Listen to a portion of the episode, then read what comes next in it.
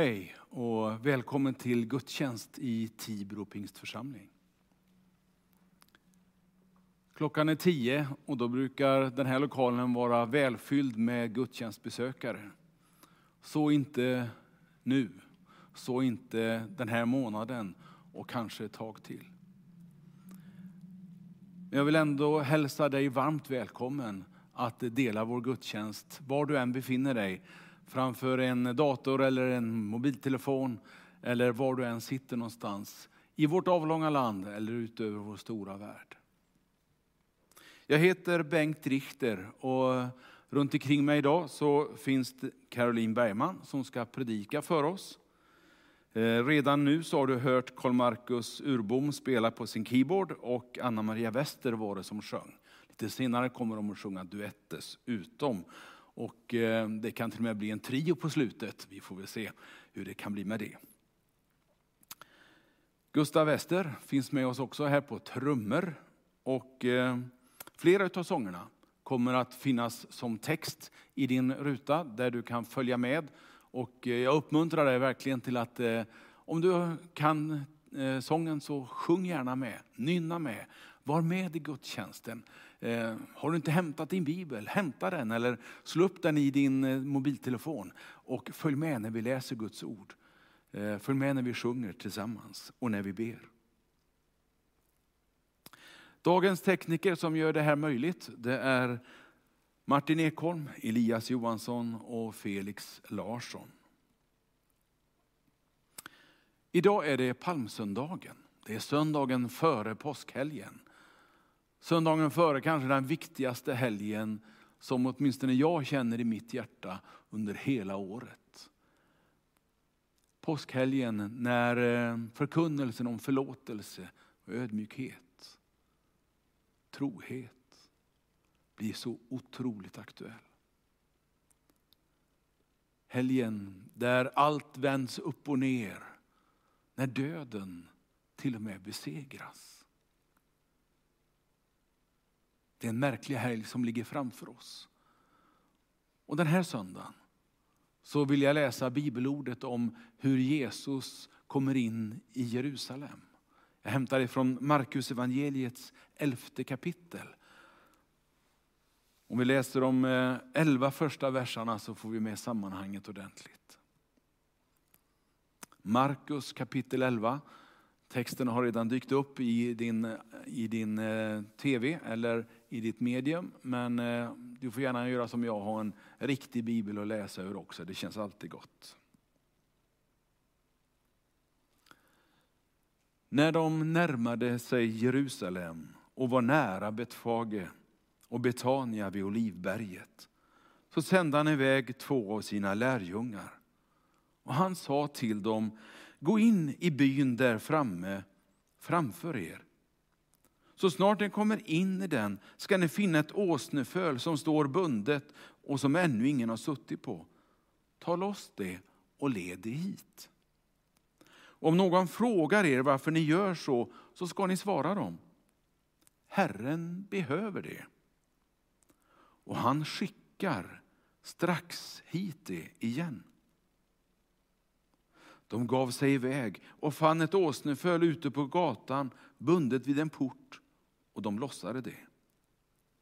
Några av dem som stod där sa till dem, vad gör ni? Tar ni loss fölet? Lärjungarna svarade som Jesus hade sagt och man lät dem gå. De ledde fölet till Jesus och la sina mantlar på det och han satt upp. Många bredde ut sina mantlar på vägen och andra strödde kvistar som de skar ute på fälten.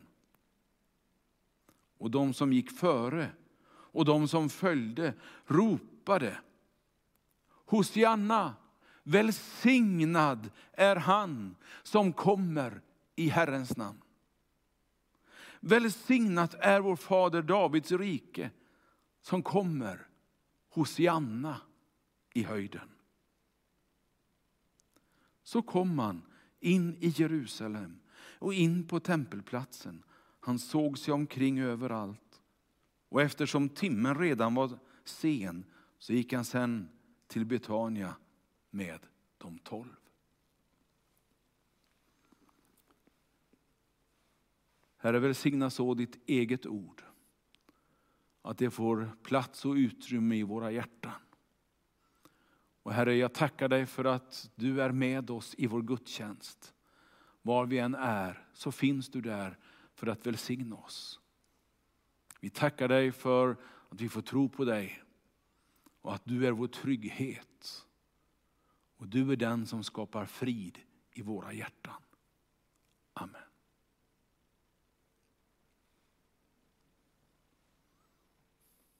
Dig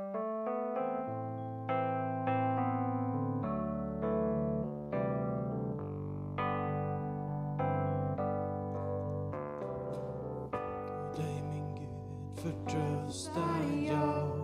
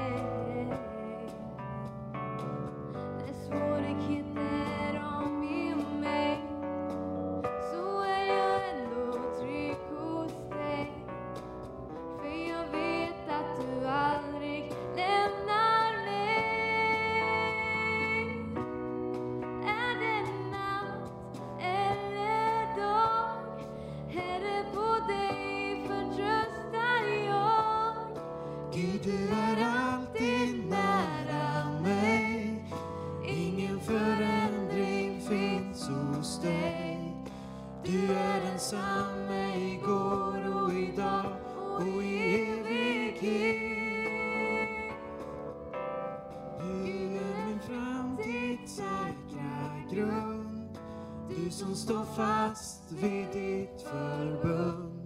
Min klippa är du, allsmäktig Gud, jag ärar dig. Min klippa är du, allsmäktig Gud, jag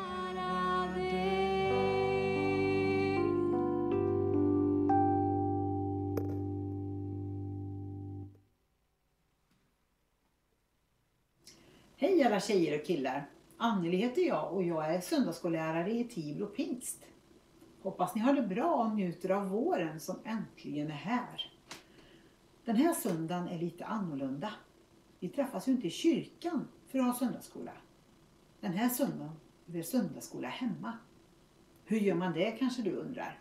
Ja, det kan man göra på många sätt såklart. Men eh, här kommer ett förslag från mig.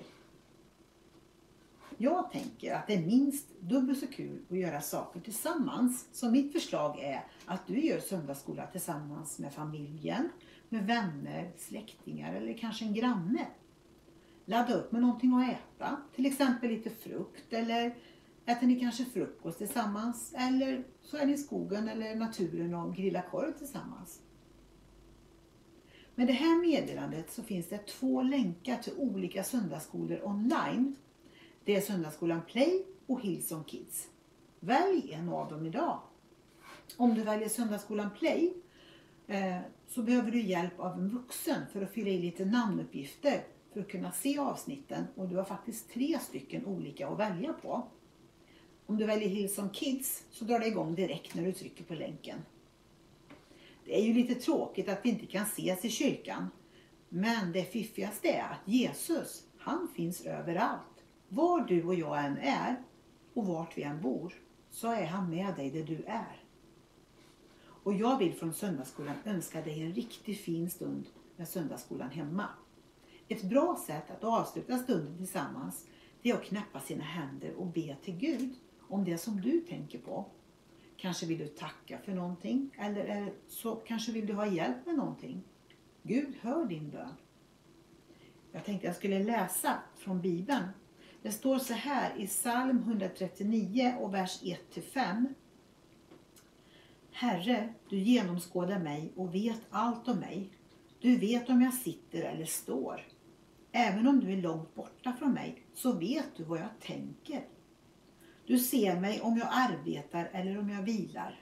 Du vet allt om mig.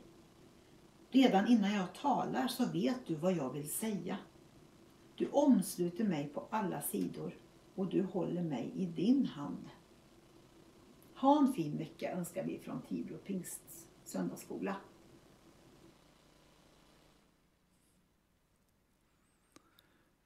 En stor del av att vara en gudstjänstfirande församling, det är att vi sjunger tillsammans. Det är att vi lyssnar till Guds ord. Men också att vi ber tillsammans. Och det ska vi göra nu. Och Karo som står bredvid mig här ska hjälpa mig att tända några ljus. Och jag har några bönämnen som jag tänkte vi skulle ta med och be för. Och är det så att du har bönämnen som du vill att vi ska be för under veckan så får du gärna skriva till oss på hemsidan eller rättare sagt på vår e-post info tibropingst.se. Först så vill jag tacka Jesus för påskens budskap.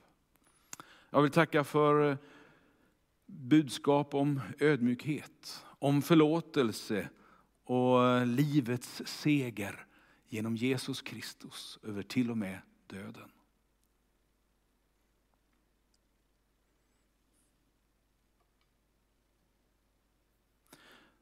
Sen vill jag också be för alla som inte vågar eller som inte kan träffa varandra som man brukar göra. Jag vill be om kreativitet och goda idéer så att eh, gemenskapen kan finnas och kännas även om det fysiska avståndet är större.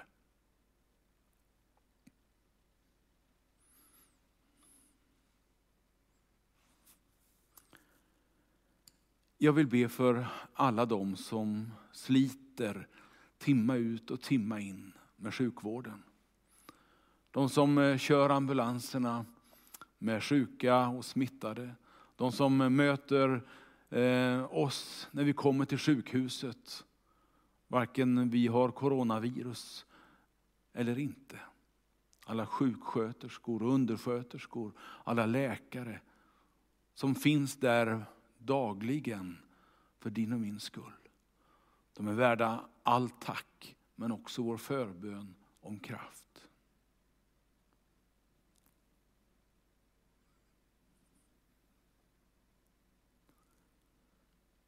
Jag vill be för forskare och experter som eh, dag och natt nästan sliter, letar efter vaccin. Som forskar för att hitta bra mediciner. Jag vill be för att de ska lyckas i sin strävan att hitta det för oss.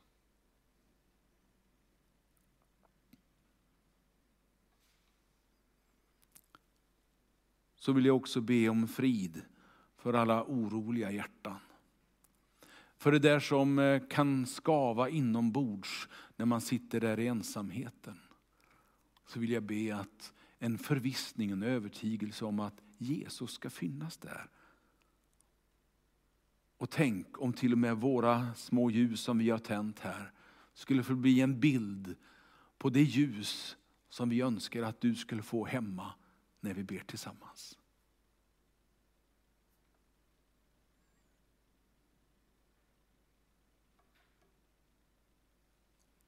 Så tackar jag då Herre för att du har kommit till vår värld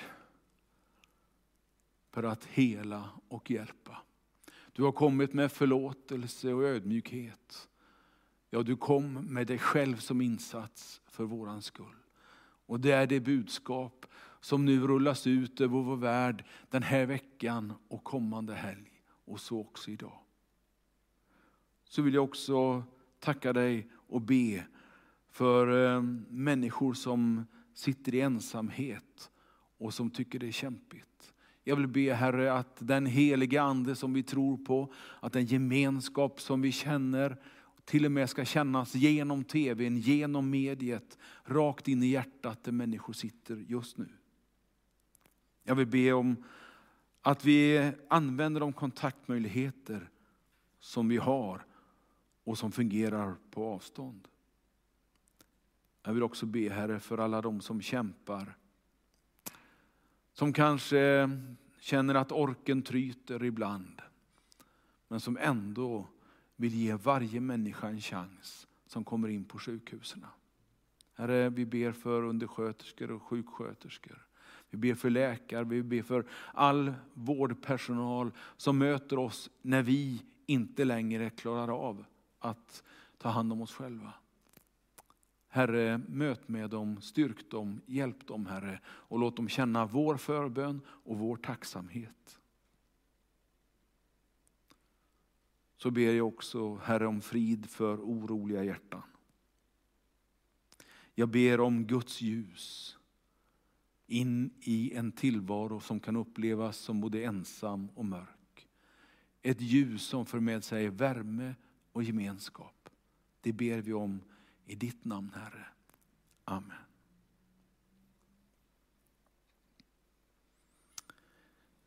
Så har vi fått in Filip Larsson här vid bordet. Välkommen Filip. Tack så mycket.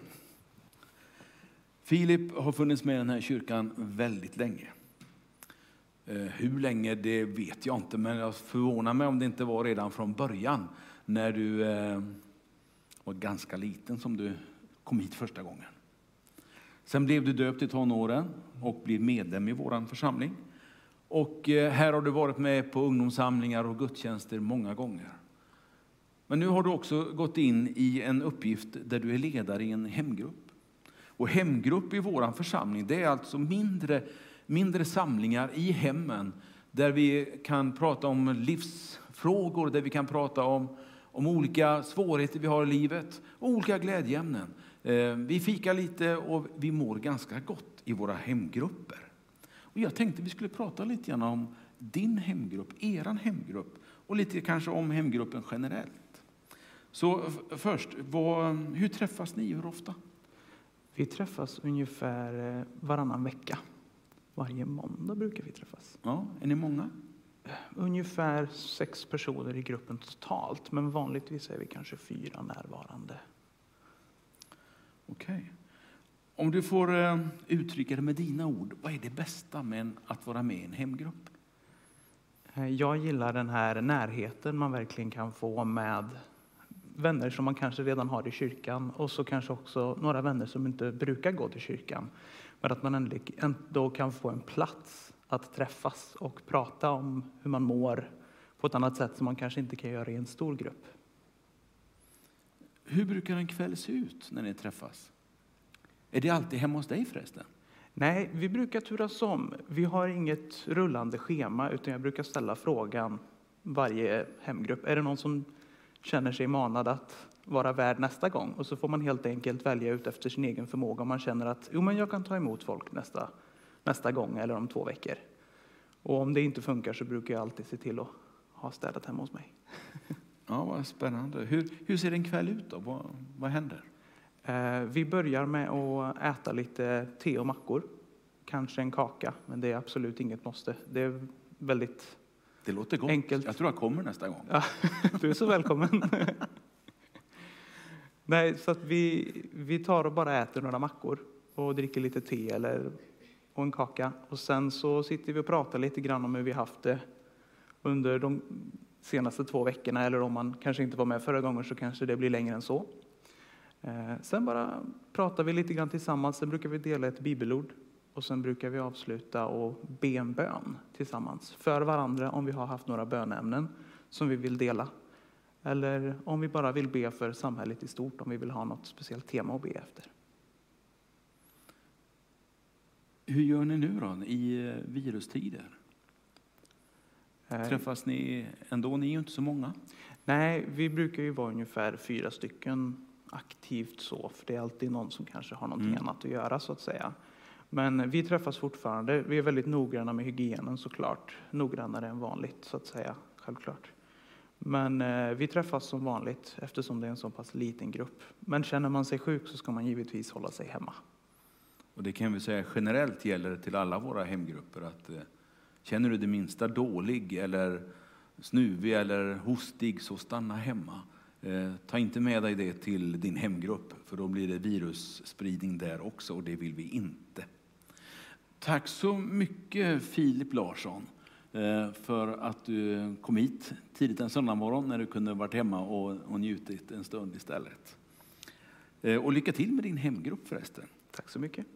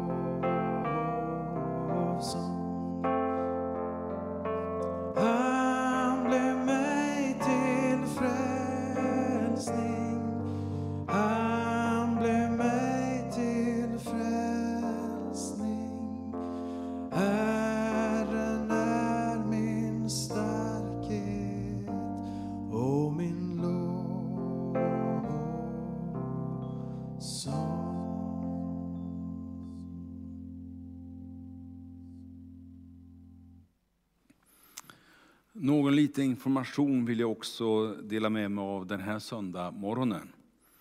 Kyrkorna och livsmedelsaffärerna tillsammans med kommunen här i Tibro har startat ett projekt där vi vill hjälpas åt med att kunna handla till dig som finns i en riskgrupp. Eller 70 plus, ja det är ju en riskgrupp, en ganska stor sådan faktiskt. Eh, väldigt många har ju nära och kära som gärna hjälper till. Eh, som gärna handlar och som gärna hjälper er att eh, kunna stanna hemma och inte bli smittade. Men det brukar alltid finnas några, och du kanske är en av dem, som inte har någon som kan hjälpa dig.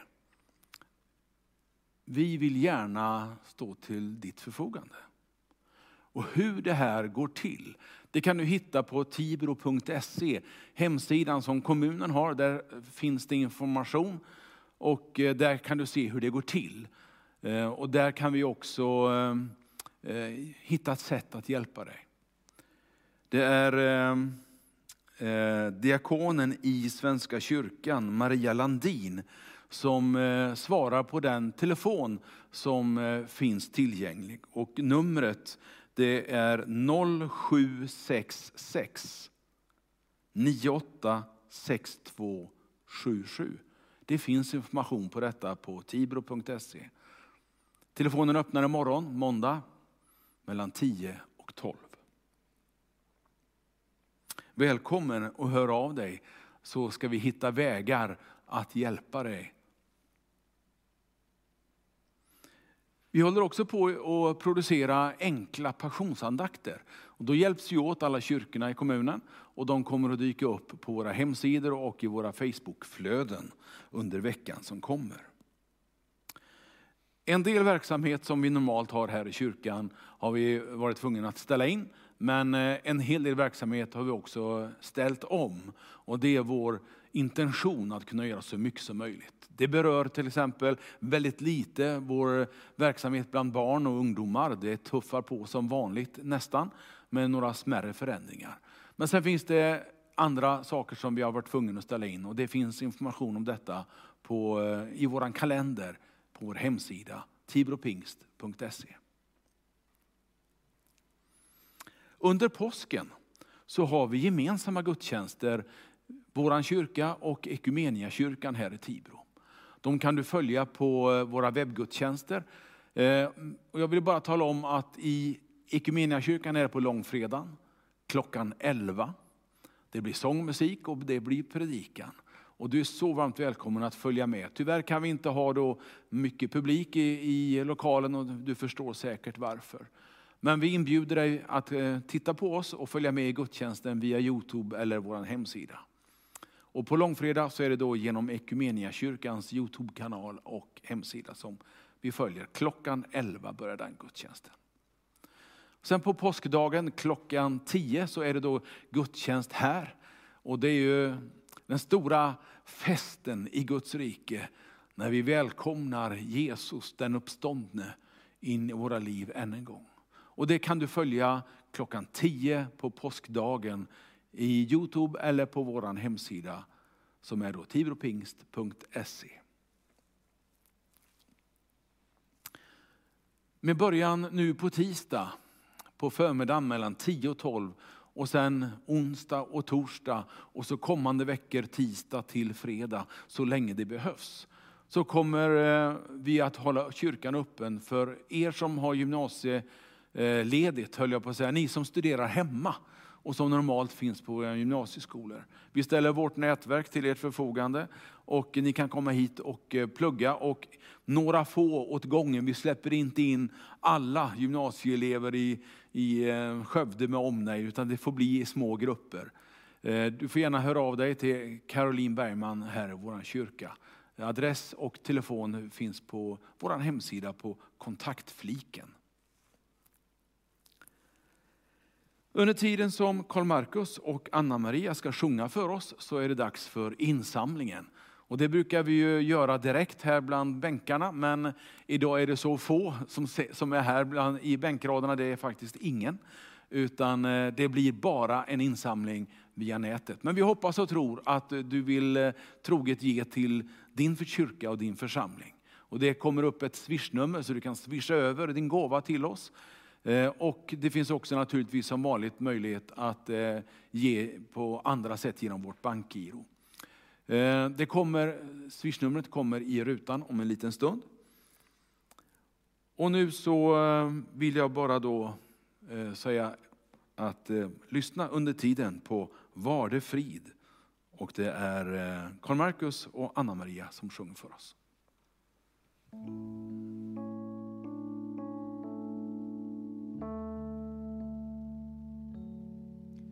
Jag vill inte vara rädd när det stormar runt omkring. Jag vill inte vara rädd. Jag vill inte vara rädd. Jag vill inte tappa mod av att vågor brusar högt. Jag vill inte tappa mod. Jag vill inte tappa mod. Var det Gud befall all storm och strid att bli stilla av din makt. Haven lyder har du sagt. Var det frid, du är här så allt är väl. Även om jag inte ser, bär din röst mitt varje steg.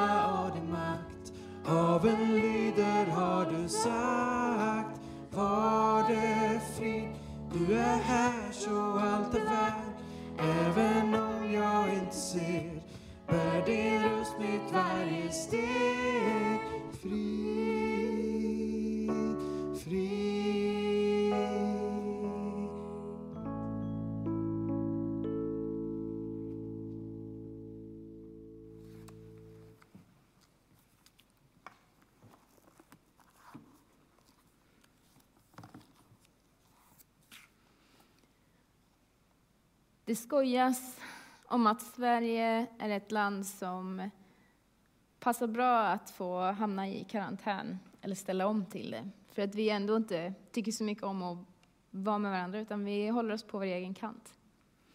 Och nog är det skönt att vara ensam ibland. Så länge jag har valt det själv. Jag menar, ledig måndag med tid för vad som helst. Underbart.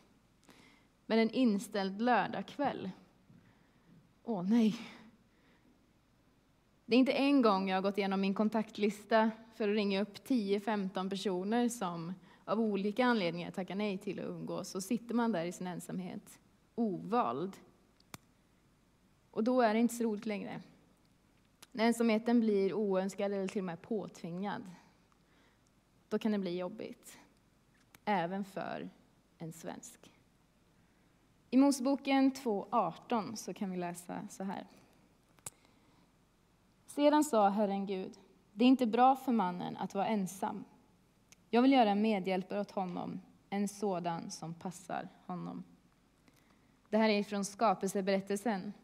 Så redan i Bibelns andra kapitel så adresserar Gud människans behov av andra människor. Det räckte liksom inte med husdjur, för Adam hade massa djur, han hade allt han behövde, förutom människan. Och Gud adresserar den väldigt snabbt. Och han låter det inte bara vara så, utan han skapar faktiskt fler människor. Så god är Gud att han ger oss det vi behöver. Och här kommer sex riktigt goda nyheter om du inte skulle hinna kolla på hela predikan. Den första är nummer ett. Och det är en liten spoiler alert inför påskhelgen här. Jag går händelserna i försprång. För Jesus, han lever. Det är knappt så jag själv förstår det. Men Jesus, han lever idag och han vill lära känna dig. Nummer två, det är att Jesus vet hur det är att känna ensamhet. På korset så ropar han, min Gud, min Gud, varför har du övergett mig? Han vet hur det känns.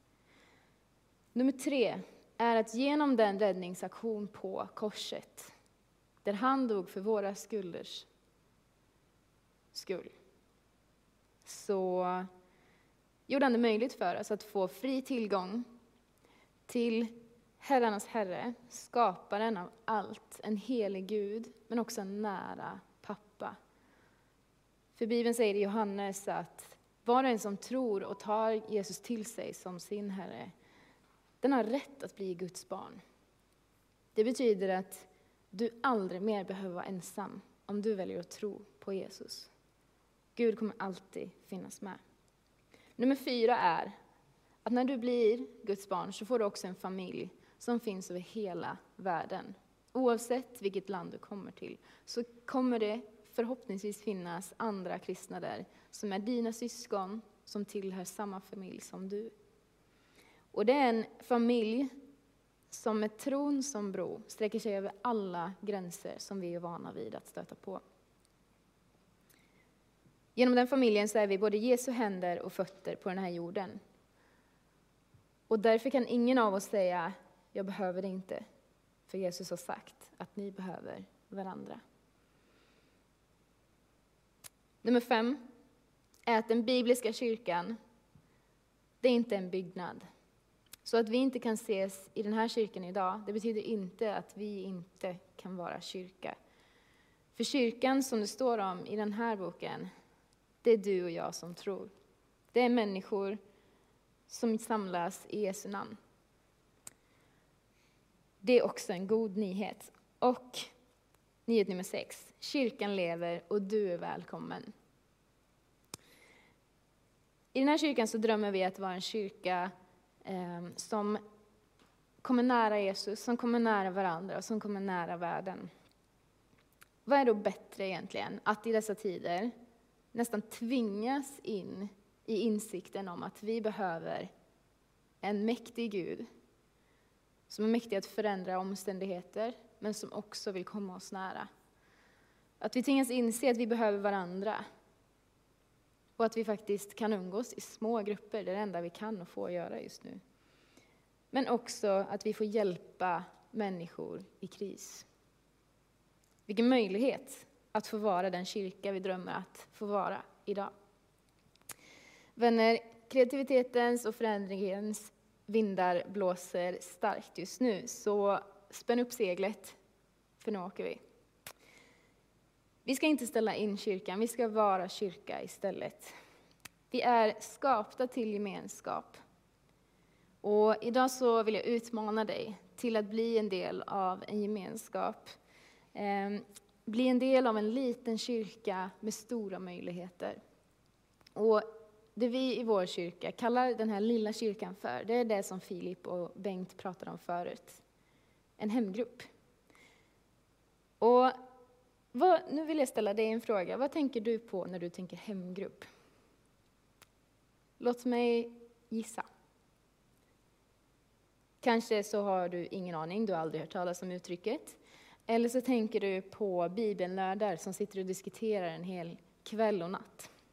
Kanske tänker du på fikatorsdag. 80-plussare som ber två timmar i sträck utan att andas nästan. Kanske tänker du på konflikter. Kanske tänker du på att det är en samling för människor som tror väldigt starkt och som ber väldigt högt och intensivt. Ehm, eller så kanske du tänker på en grupp med andliga hippies som sjunger sånger och håller varandra i handen. Kanske en eh, terapionsdag med väninnorna. Eller lärjungaträning.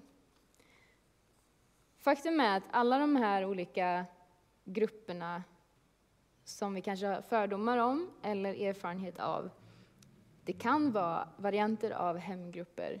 Men det är inte det jag är ute efter när jag vill utmana dig till att gå med i en hemgrupp, utan eh, vi kan kalla det för olika saker. Bönegrupp, hemgrupp, cellgrupp, connectgrupp. Men gemensamt har de något annat än de här sakerna.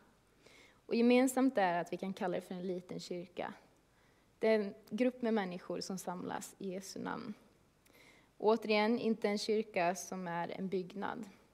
I Romarbrevet 5 och 16 kan vi se ett exempel på det. Det står att Paulus han vill hälsa till församlingen och kyrkan som möts i deras hus. Det är alltså en kyrka som är i ett hus. Det är människorna i den. Jag tänkte berätta lite om eh, starten till min egen hemgrupp. För jag har varit med i olika typer av hemgrupper. Det har kallats för tjejgrupp och bönegrupp och alla möjliga saker. Men den som jag är med i nu, den startade för ungefär sex år sedan. Det var året 2014 och jag hade några vänner som hade kommit hem från Sydafrika efter att ha jobbat som volontärer där eh, i, under en lång tid. Och vi var strax över 20 år gamla och våra, de flesta av våra vänner hade flytt fältet för att plugga någon annanstans än Tibro. Och vi började uttrycka en längtan att få dela tro mitt i vardagen. Att eh, inte bara göra det i kyrkbänken. Och så ville vi ju följa den där serien också. Den där ganska råa serien. Men eh, två flugor i en smäll tänkte vi. Och vi började samlas en gång i veckan för att först titta på serien och sen väga upp det hela lite med att be också. Och det kändes ganska skönt att väga upp det där lite råa, jobbiga intaget med någonting bra. Om det var rätt eller inte, det lämnar jag till någon annan att bedöma. Men eh, vi fortsatte inte med nästa säsong av serien, kanske av den anledningen. Men däremot så fortsatte vi att samlas. Och sen dess så har nästan hela gruppens medlemmar bytts ut av olika anledningar. Människor har flyttat in och flyttat ur. Och den har överlevt. Men den har också varierat beroende på vem som har varit med, vad vi har haft för behov i gruppen. Och i höstas var det så roligt att vi kunde dela den i två. Och det är därför Filip nu är hemgruppsledare eh, och har en utav de här grupperna. Jätteroligt. Ehm, och det är ju så att ibland så har det varit lite svårt att få till drömmen om den perfekta hemgruppen. Ibland så har kanske hälften gått hem och kommit dit missnöjda. Eh, men ibland så har det också varit så nära erfarenheten av Guds rike att jag bara kan inte släppa tanken om hemgruppen. Jag kan inte släppa konceptet. Så varför drömmer vår kyrka om hemgrupper? Om livsnära hemgrupper, om små kyrkor i den stora kyrkan?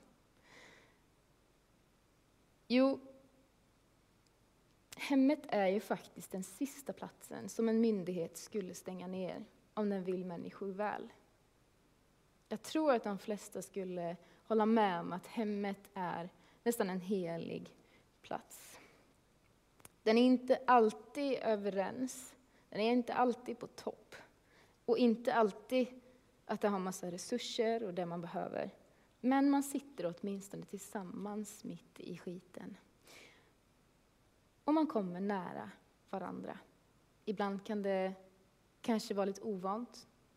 Men när man vänjer sig så inser man att det var inte så dumt ändå. Sen skulle jag också säga att det är för att vi ska kunna ha en sund församling så behöver vi också kunna vara en församling som kan träffas i nära mindre grupper. Det är lite festligt, för om man googlar på hemgrupper så kommer det faktiskt upp en mer medicinsk-biologisk term av hemgrupper som jag inte hade koll på tidigare. Eh, och det handlar mycket om liksom, hur olika ämnen och eh, blod transporteras i kroppen och blir syre, bärare. Eh, så jag tycker att det är en festlig bild av hur hemgrupper också kan få vara något som bär syre in i vår församling och ut från den också. Något som gör att det blir levande och fräscht. En av de absolut största anledningarna, tror jag, till att vi ska ha en hemgrupp är att Jesus själv hade, han hade inget hem på det sättet, men han hade en grupp, en liten grupp av människor som eh, han ständigt återkom till, som eh, ställde frågor till honom, som utmanade honom och som han fick utmana tillbaka. Han valde ut tolv lärjungar och ibland till och med en liten mindre grupp av dem för att på något sätt delvis föra vidare hans budskap men också för att han behövde människor runt omkring sig. Han bad sina lärjungar om att ställa upp för honom, att be för honom och med honom. Och om vår Herre vill ha det så undrar om, inte att vi, om, så undrar jag om vi inte borde ha det också.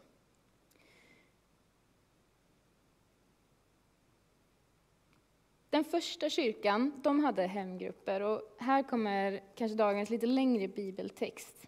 Det är Apostlagärningarna 2 och 42 och framåt.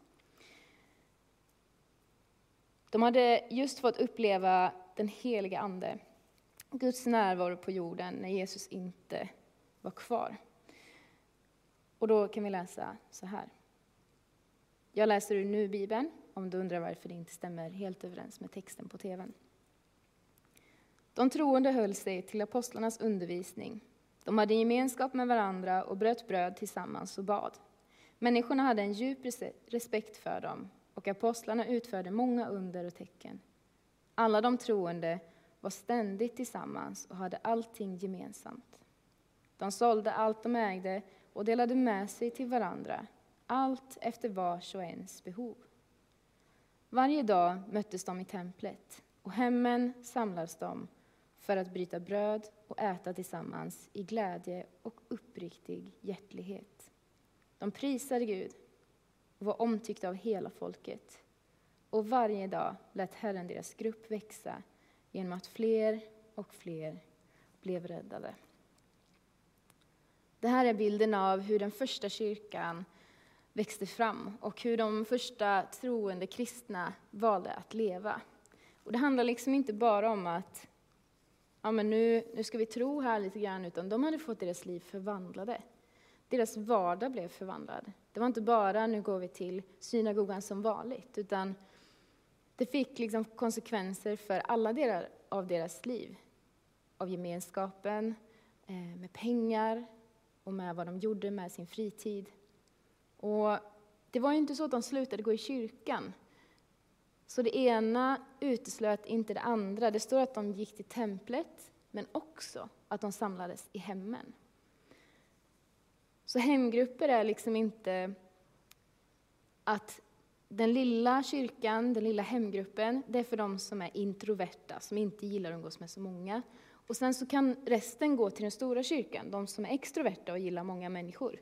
Utan det ena ska liksom inte utesluta det andra. Det är inte ett val för vad, vad jag känner bäst för, utan det är en livsstil som kristen.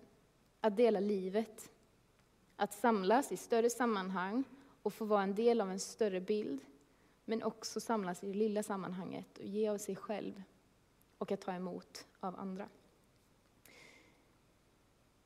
Varför drömmer vår kyrka om livsnära hemgrupper?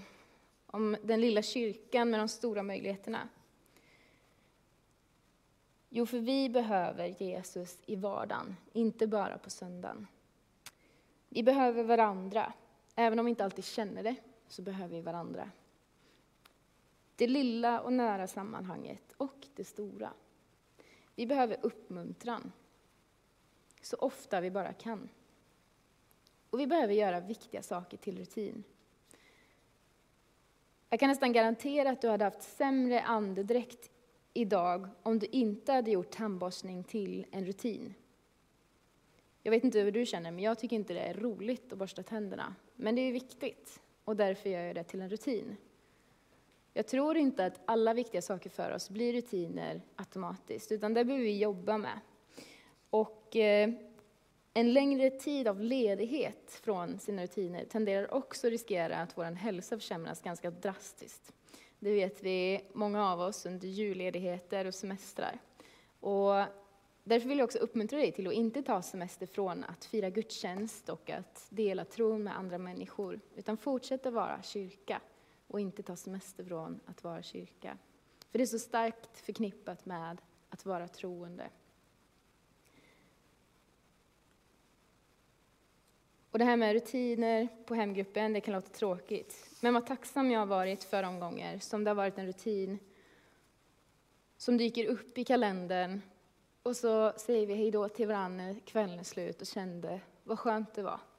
Vilken tur att vi hade bokat in det, annars hade det kanske inte blivit av.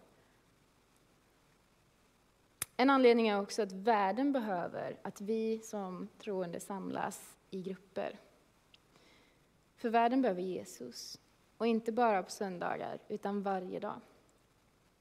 Världen behöver att kyrkan är kyrka hela veckan.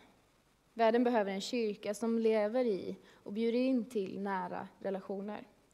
Världen behöver en kyrka som vågar älska, vågar be och vågar tro, både i ord och i handling. Världen behöver hemgrupper där vi vågar vara äkta, med vad vi brottas med och vad vi gläds åt.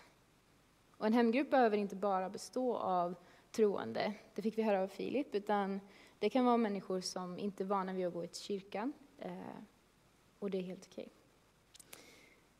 Så hur gör man en hemgrupp? Vi fick höra ett exempel från Filip. För några söndagar sedan så hade vi en annan hemgrupp här som eh, eh, berättade om hur de gör.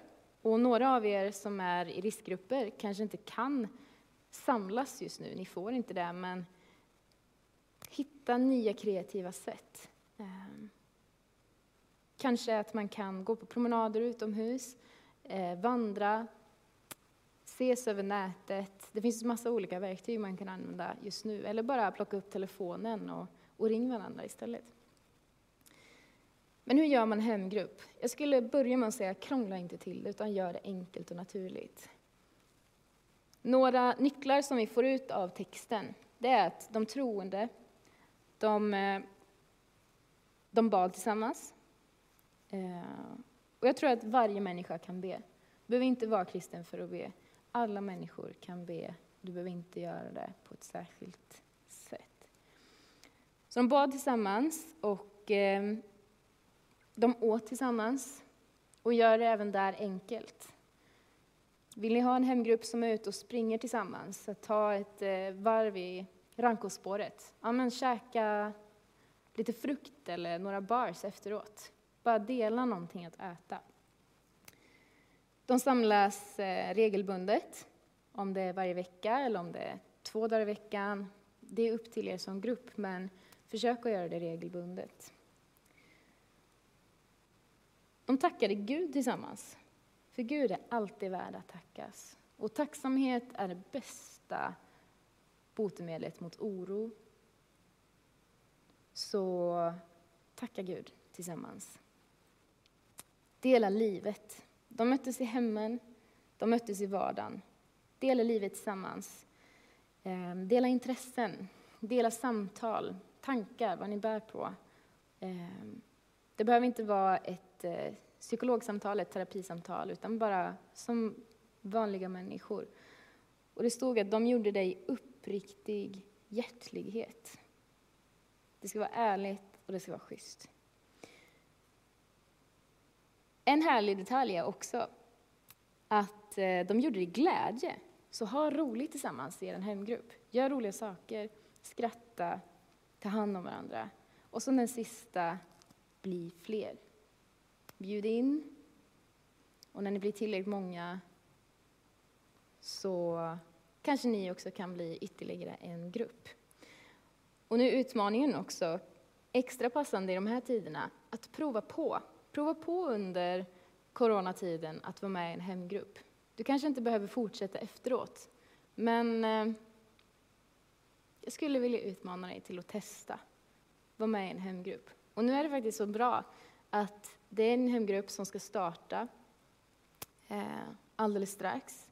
Det är Bengt och Ingrid som eh, kommer dra igång en och de kommer träna upp nya ledare som kan sätta igång en hemgrupp och fortsätta med den. Vi har plats i vår hemgrupp. Jag tror att Filip har plats i sin hemgrupp. Så det finns platser. Så hör av dig så ska vi se till att du kan få vara med i en grupp. Så vill jag avsluta med ett sista bibelord och några sista tankar om bön. Vi hittar det i Hebreerbrevet 10 och 23 till 25.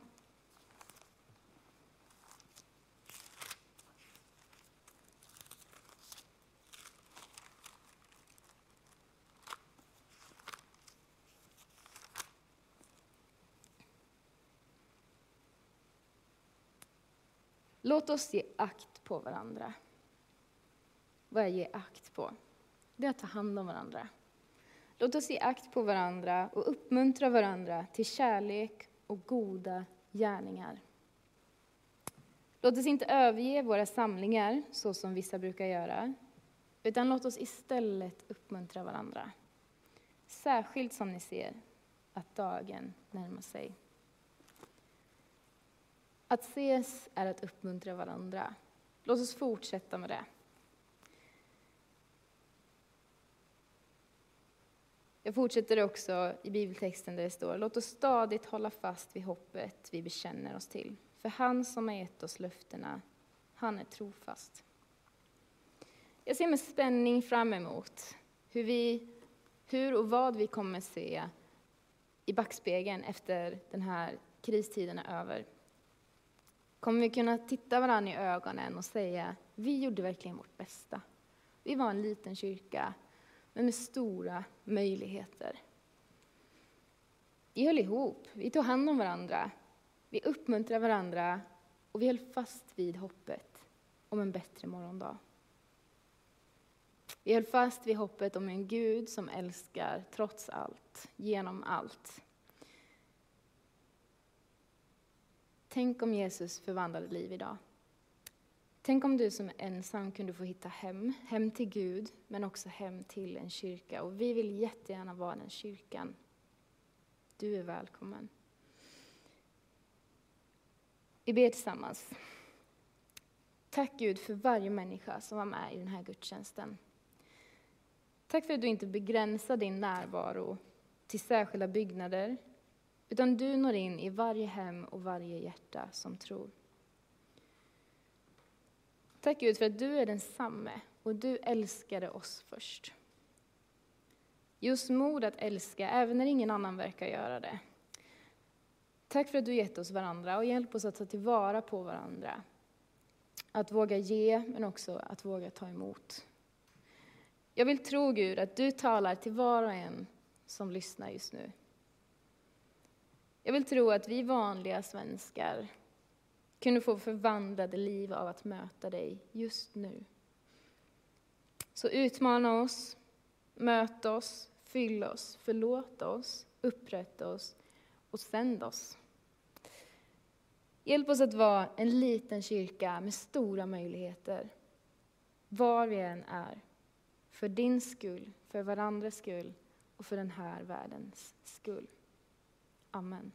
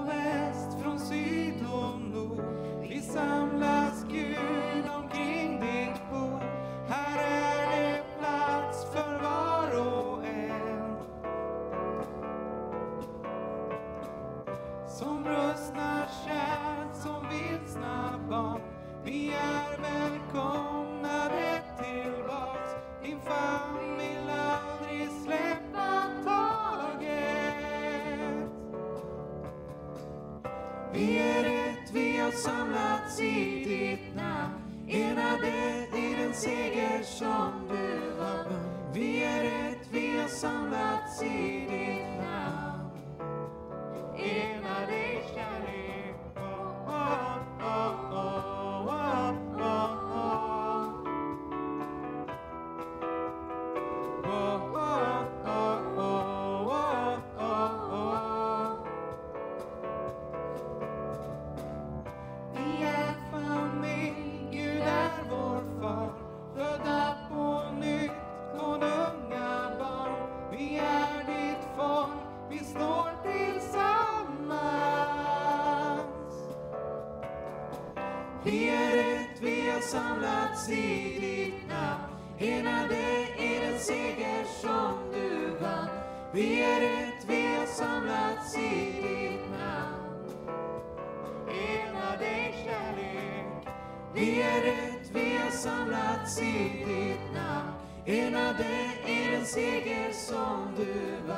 Be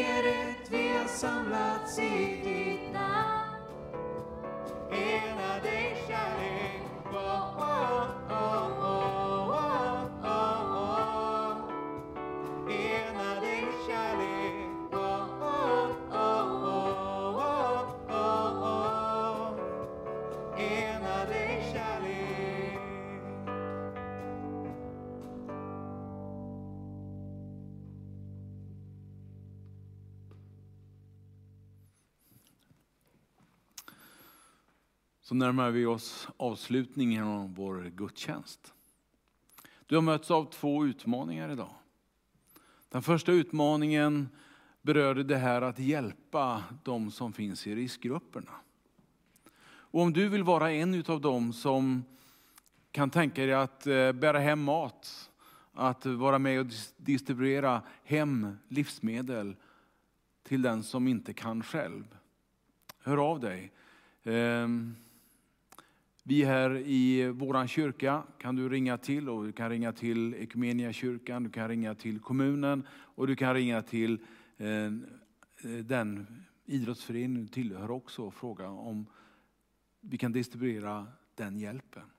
När du ringer oss så noterar vi ditt namn och att du är villig att hjälpa till och så kommer vi att höra av oss sen när det blir dags för dig att agera. Eh, men eh, jag vädjar till dig, eh, hjälp oss att kunna hjälpa varandra. Det är viktigt. Den andra utmaningen har du hört predikas om. Att vara med och finnas i våra hemgrupper. Vi har bestämt oss, jag och min hustru, för att vi startar en hemgrupp. Vi kommer att höra av oss till några stycken och vi vill starta en ny hemgrupp som inte har funnits förut. Vill du vara med? Hör av dig till mig så ska vi hjälpas åt. Så återstår egentligen bara att säga tack. Ett tack till dig som har suttit hemma och följt med i vår gudstjänst. Och låt mig få tipsa dig om att för några minuter sedan så startade gudstjänsten från Ekumeniakyrkan här i Tibro. Det går alldeles utmärkt att eh, på samma telefon eller dator som du tittar på vår gudstjänst så kan du bara skriva in Ekumeniakyrkan Tibro.se så kan du följa med i den gudstjänsten också. Och vad kan vara bättre i livet än att få två gudstjänster samma söndag? Det måste ju vara toppen. Och så vill jag också rikta ett varmt tack då till alla som har varit här i kyrkan och bidragit på ett eller annat sätt. Caroline Bergman som predikade för oss, Karl Markus Urbom, Ann-Marie Wester och eh, nu också då Filip Larsson som var med och sjöng på slutet här. Eh, dessutom har eh, Gustav Wester varit med och spelat på sina trummor. Och tekniker som har möjliggjort sändningen idag. Det har varit Martin Ekholm, Elias Johansson och Felix Larsson. Och mitt namn det är Bengt Richter. Nu återstår bara att eh, förmedla Herrens välsignelse. Så ta emot Herrens välsignelse där du finns. Herren välsigne dig och bevara dig. Herren låter sitt ansikte lysa över dig och vara dig nådig. Herren vände sitt ansikte till dig och give dig frid. I Faderns och Sonens och den helige Andes namn.